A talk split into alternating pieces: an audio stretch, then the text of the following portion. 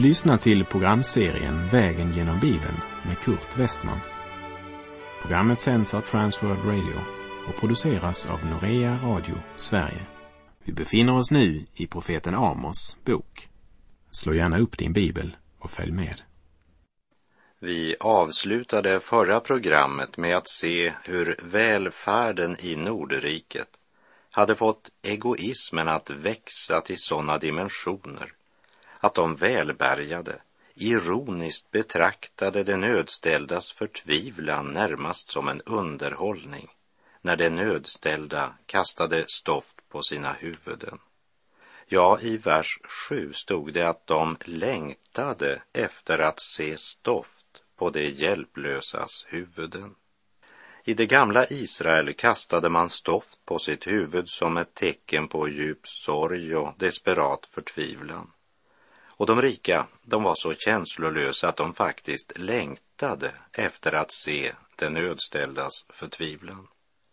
Man hade blivit så andligt blinda att samtidigt som man fortsatte sina aktiviteter i templet så präglades sammankomsterna mer av religionsblandning än av gudsfruktan och lydnad. Efterhand blev man så avtrubbad att man ligger vid altarna på mantlar som tagits i pant av nödställda. Nödställda som tvingats ge ifrån sig det sista de ägde. Så möttes man i templet och vid olika altaren i kötsligt glädjerus medan andra låg svältande och frös ute på marken därför att de varit tvungna att lämna ifrån sig manteln som pant. På kläder som tagits i pant sträcker det ut sig vid varje altare. Gud hade givit Israel endast ett altare. Men det folk som glömt Guds bud samtidigt som man i kötslig iver firar gudstjänst, de har många altaren och går från den ena villfarelsen till den andra.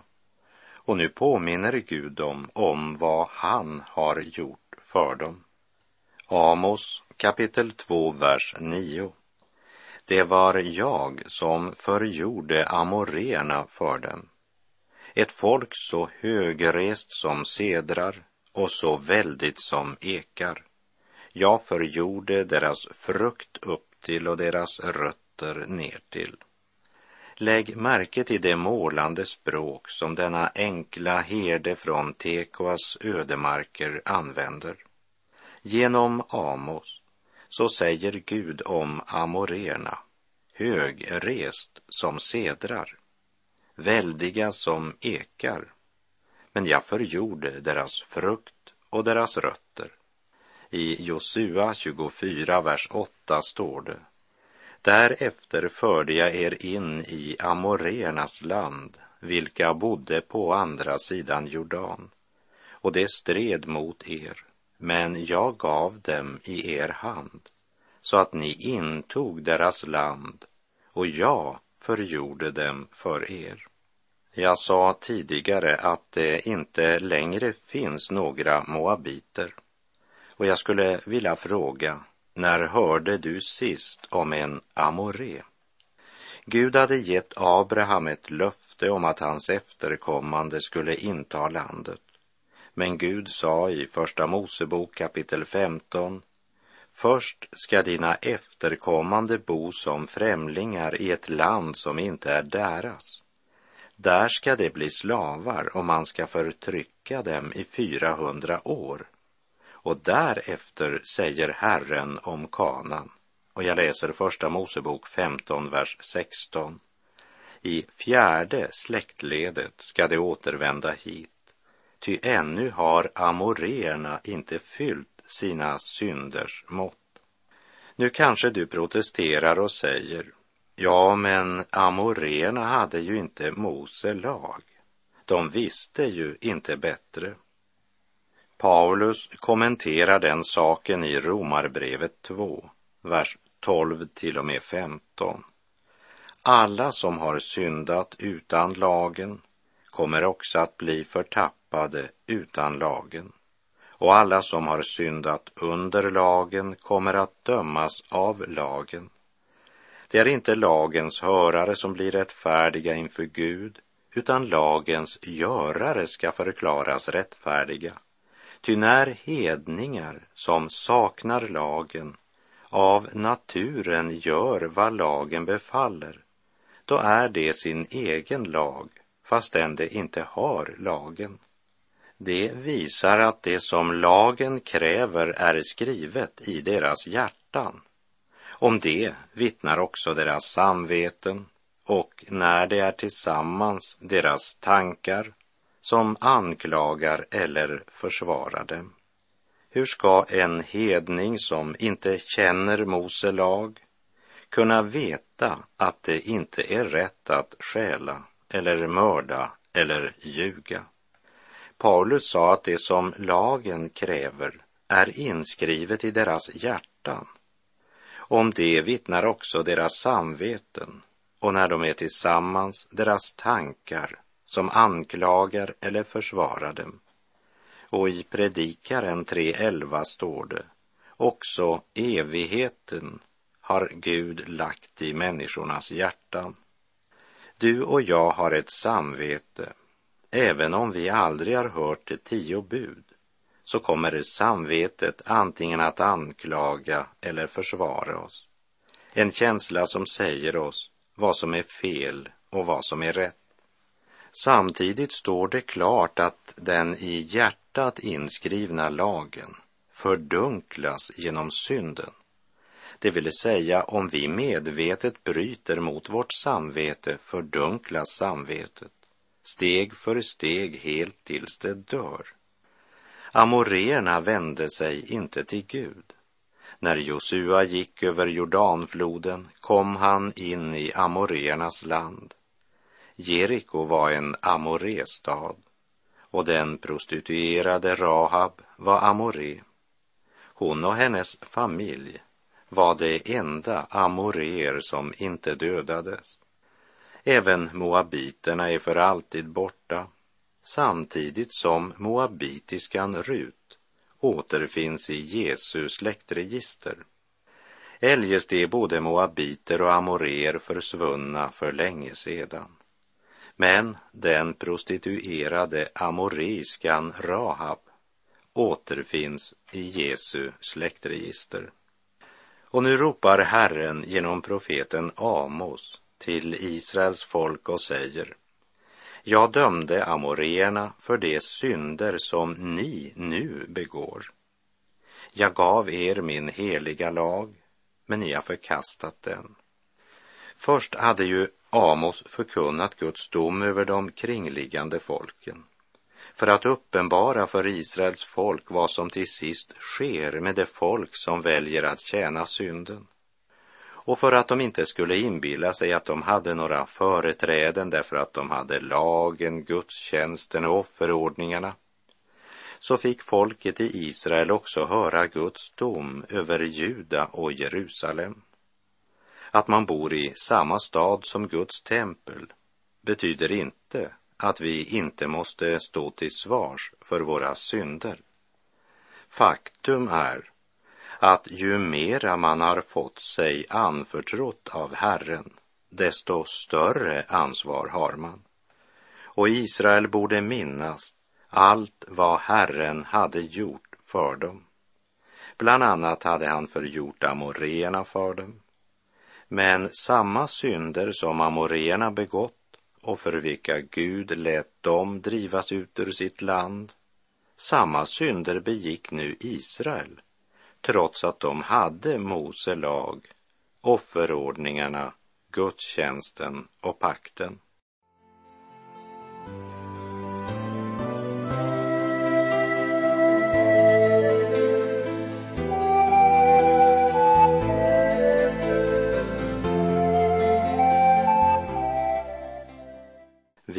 Läser profeten Amos kapitel 2, verserna 10 till och med 12.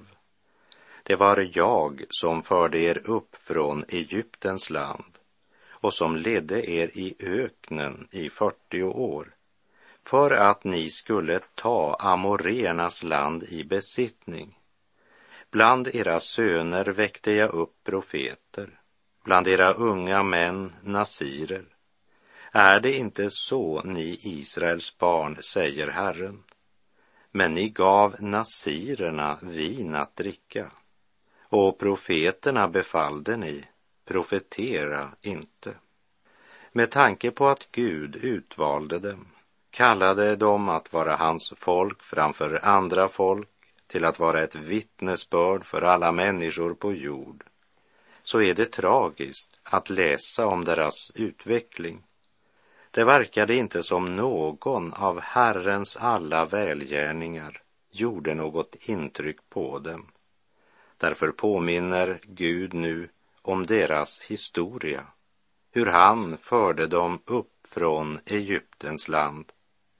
En nasir var en israelit som frivilligt avskilde sig för att leva helt för Herren och tjäna honom. Och det var tre saker som en nasir inte gjorde.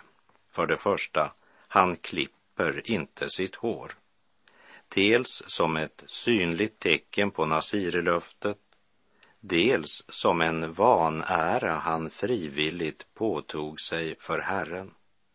I Första Korinthierbrevet 11.14 säger aposteln Paulus, lär inte själva naturen er att det är en skam för en man att ha långt hår. Och denna vanära pådrog sig nasiren frivilligt. För det andra, för en nasir var det inte tillåtet att dricka vin eller något som producerats av vinrankans frukt. Ja, de fick inte ens äta druvor eller russin.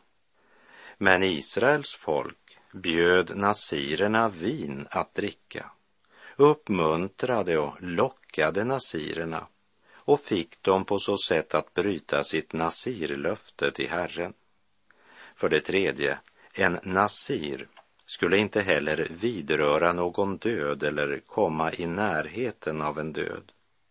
Så när någon nära vän eller släkting dog deltog inte nasiren i begravningen.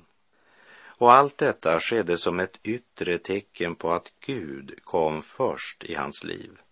Hans liv var frivilligt invigt åt Herren.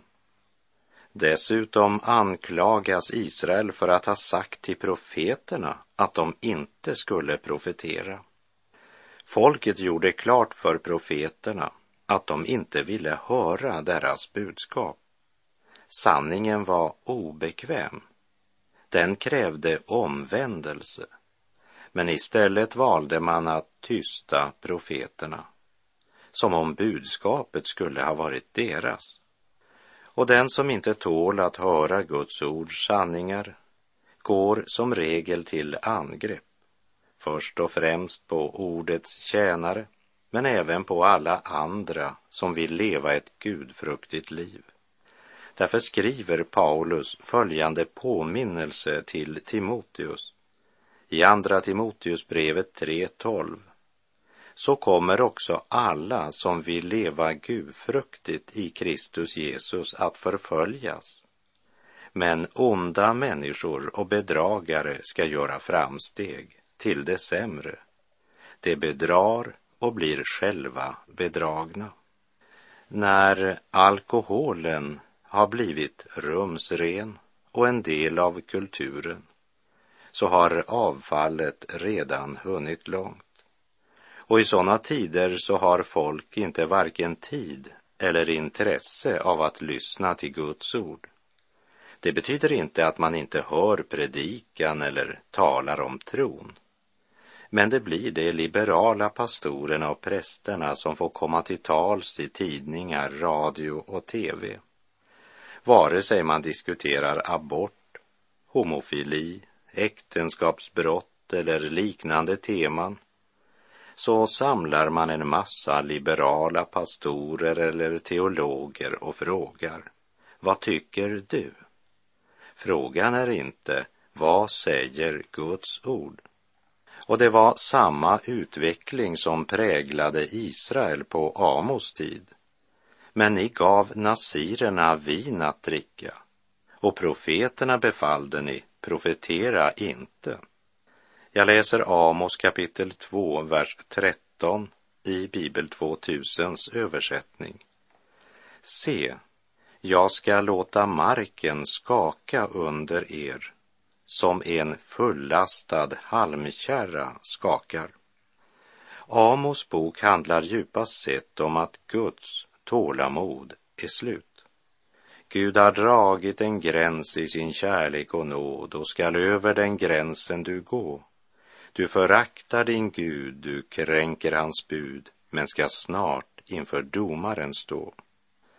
I Romarbrevet 2, vers 4 och 5 skriver Paulus. Eller föraktar du hans stora godhet, mildhet och tålamod och förstår inte att det är hans godhet som för dig till omvändelse. Genom ditt hårda och obotfärdiga hjärta samlar du på dig vrede till vredens dag, när Guds rättfärdiga dom uppenbaras. Se, jag ska låta marken skaka under er. Det är som om Gud säger, ni har försatt mig i en svår situation. Ni är mitt folk. Jag fördrev amoréerna för er. Men nu begår ni samma synder som de begick och för vilka jag lät dem fördrivas från landet. Ni inbillar er väl inte att jag ska blunda för allt detta bara för att ni är mitt folk? Att jag har utvalt er betyder inte att jag är partisk. Jag har utvalt er för att ni skulle vara ett vittnesbörd för hela världen. Och så är det också i Nya förbundets tid. Därför skriver Paulus i kapitel 2 i sitt första brev till Timoteus att Gud vill att alla människor skall bli frälsta och komma till insikt om sanningen. Synden och avfallet har pågått länge i Israel. Men istället för att Guds tålamod och långmodighet väckte folket till besinning så tolkade de Guds tålamod som att Gud inte såg vad som föregick. De trodde de skulle undslippa domen. Men nu är Guds tålamod slut. Se, jag ska låta marken skaka under er.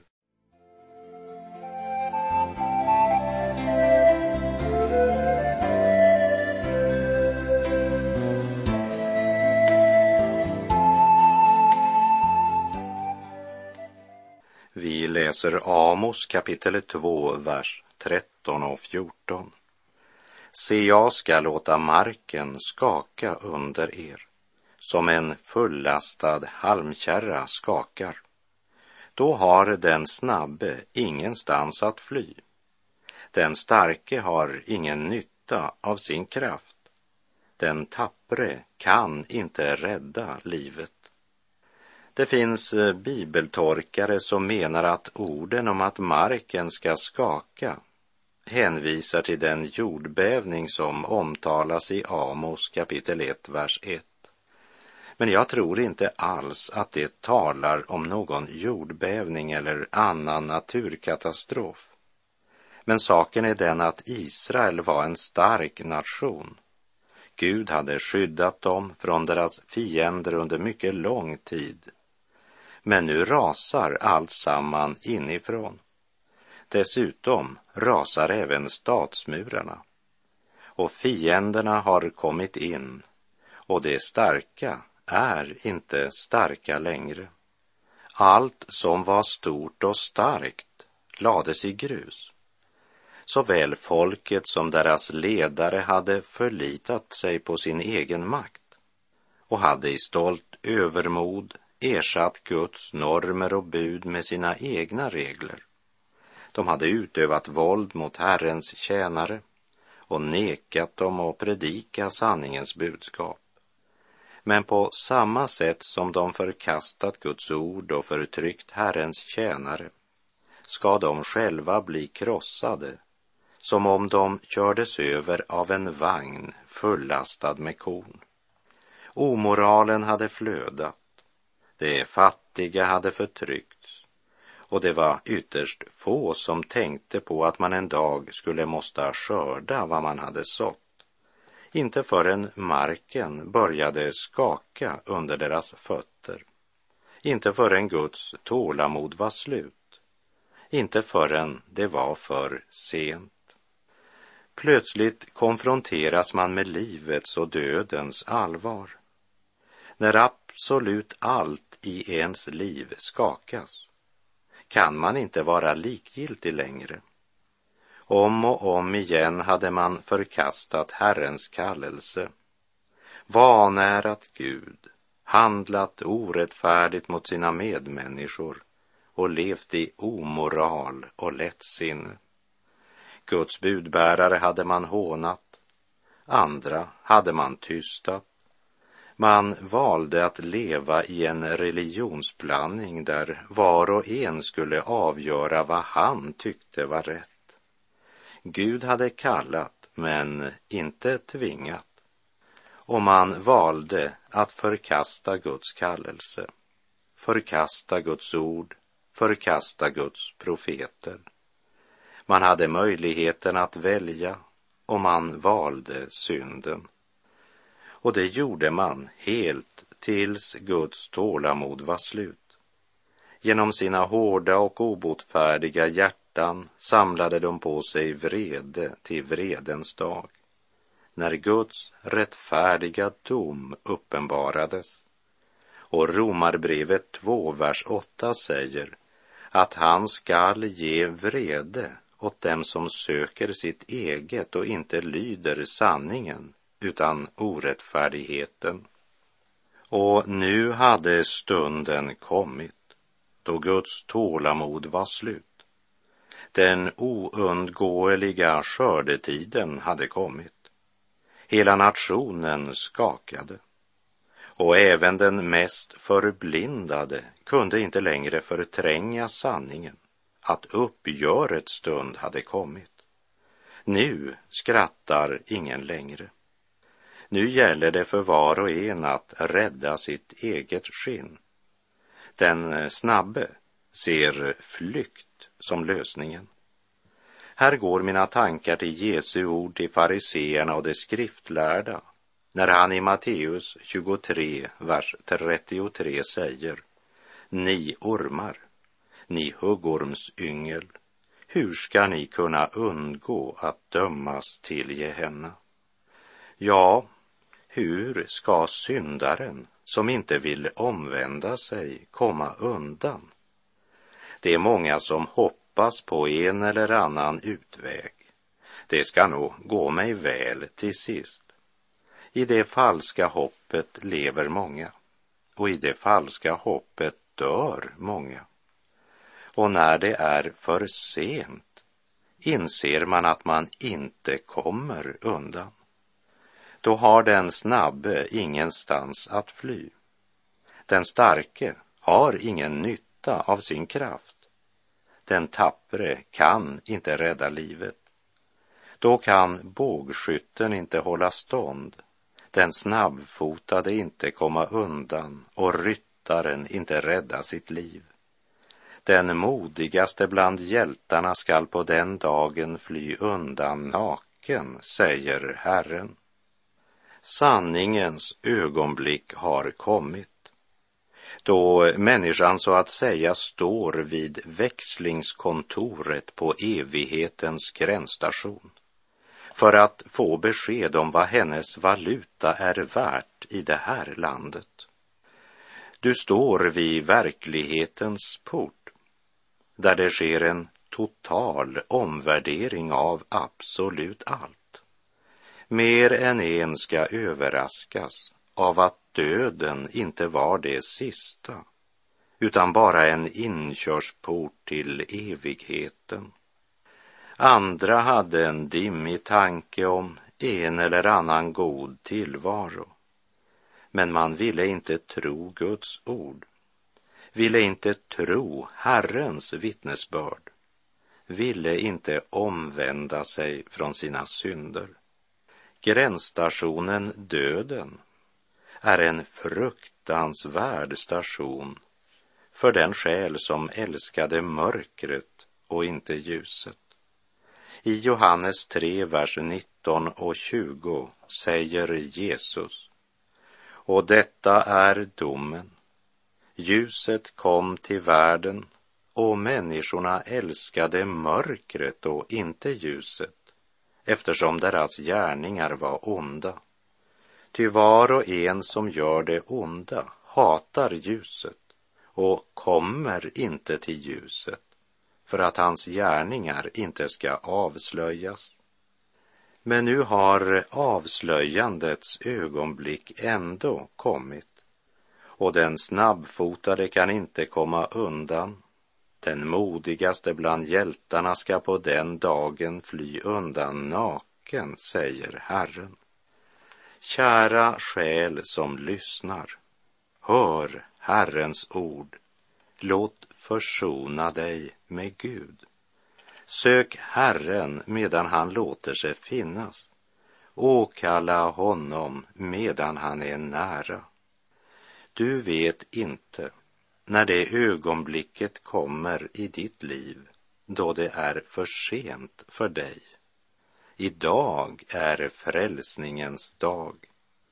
Om vi bekänner våra synder är han trofast och rättfärdig så att han förlåter oss våra synder och renar oss från all orättfärdighet. Herren vare med dig. Må hans välsignelse vila över dig. Gud är god. Och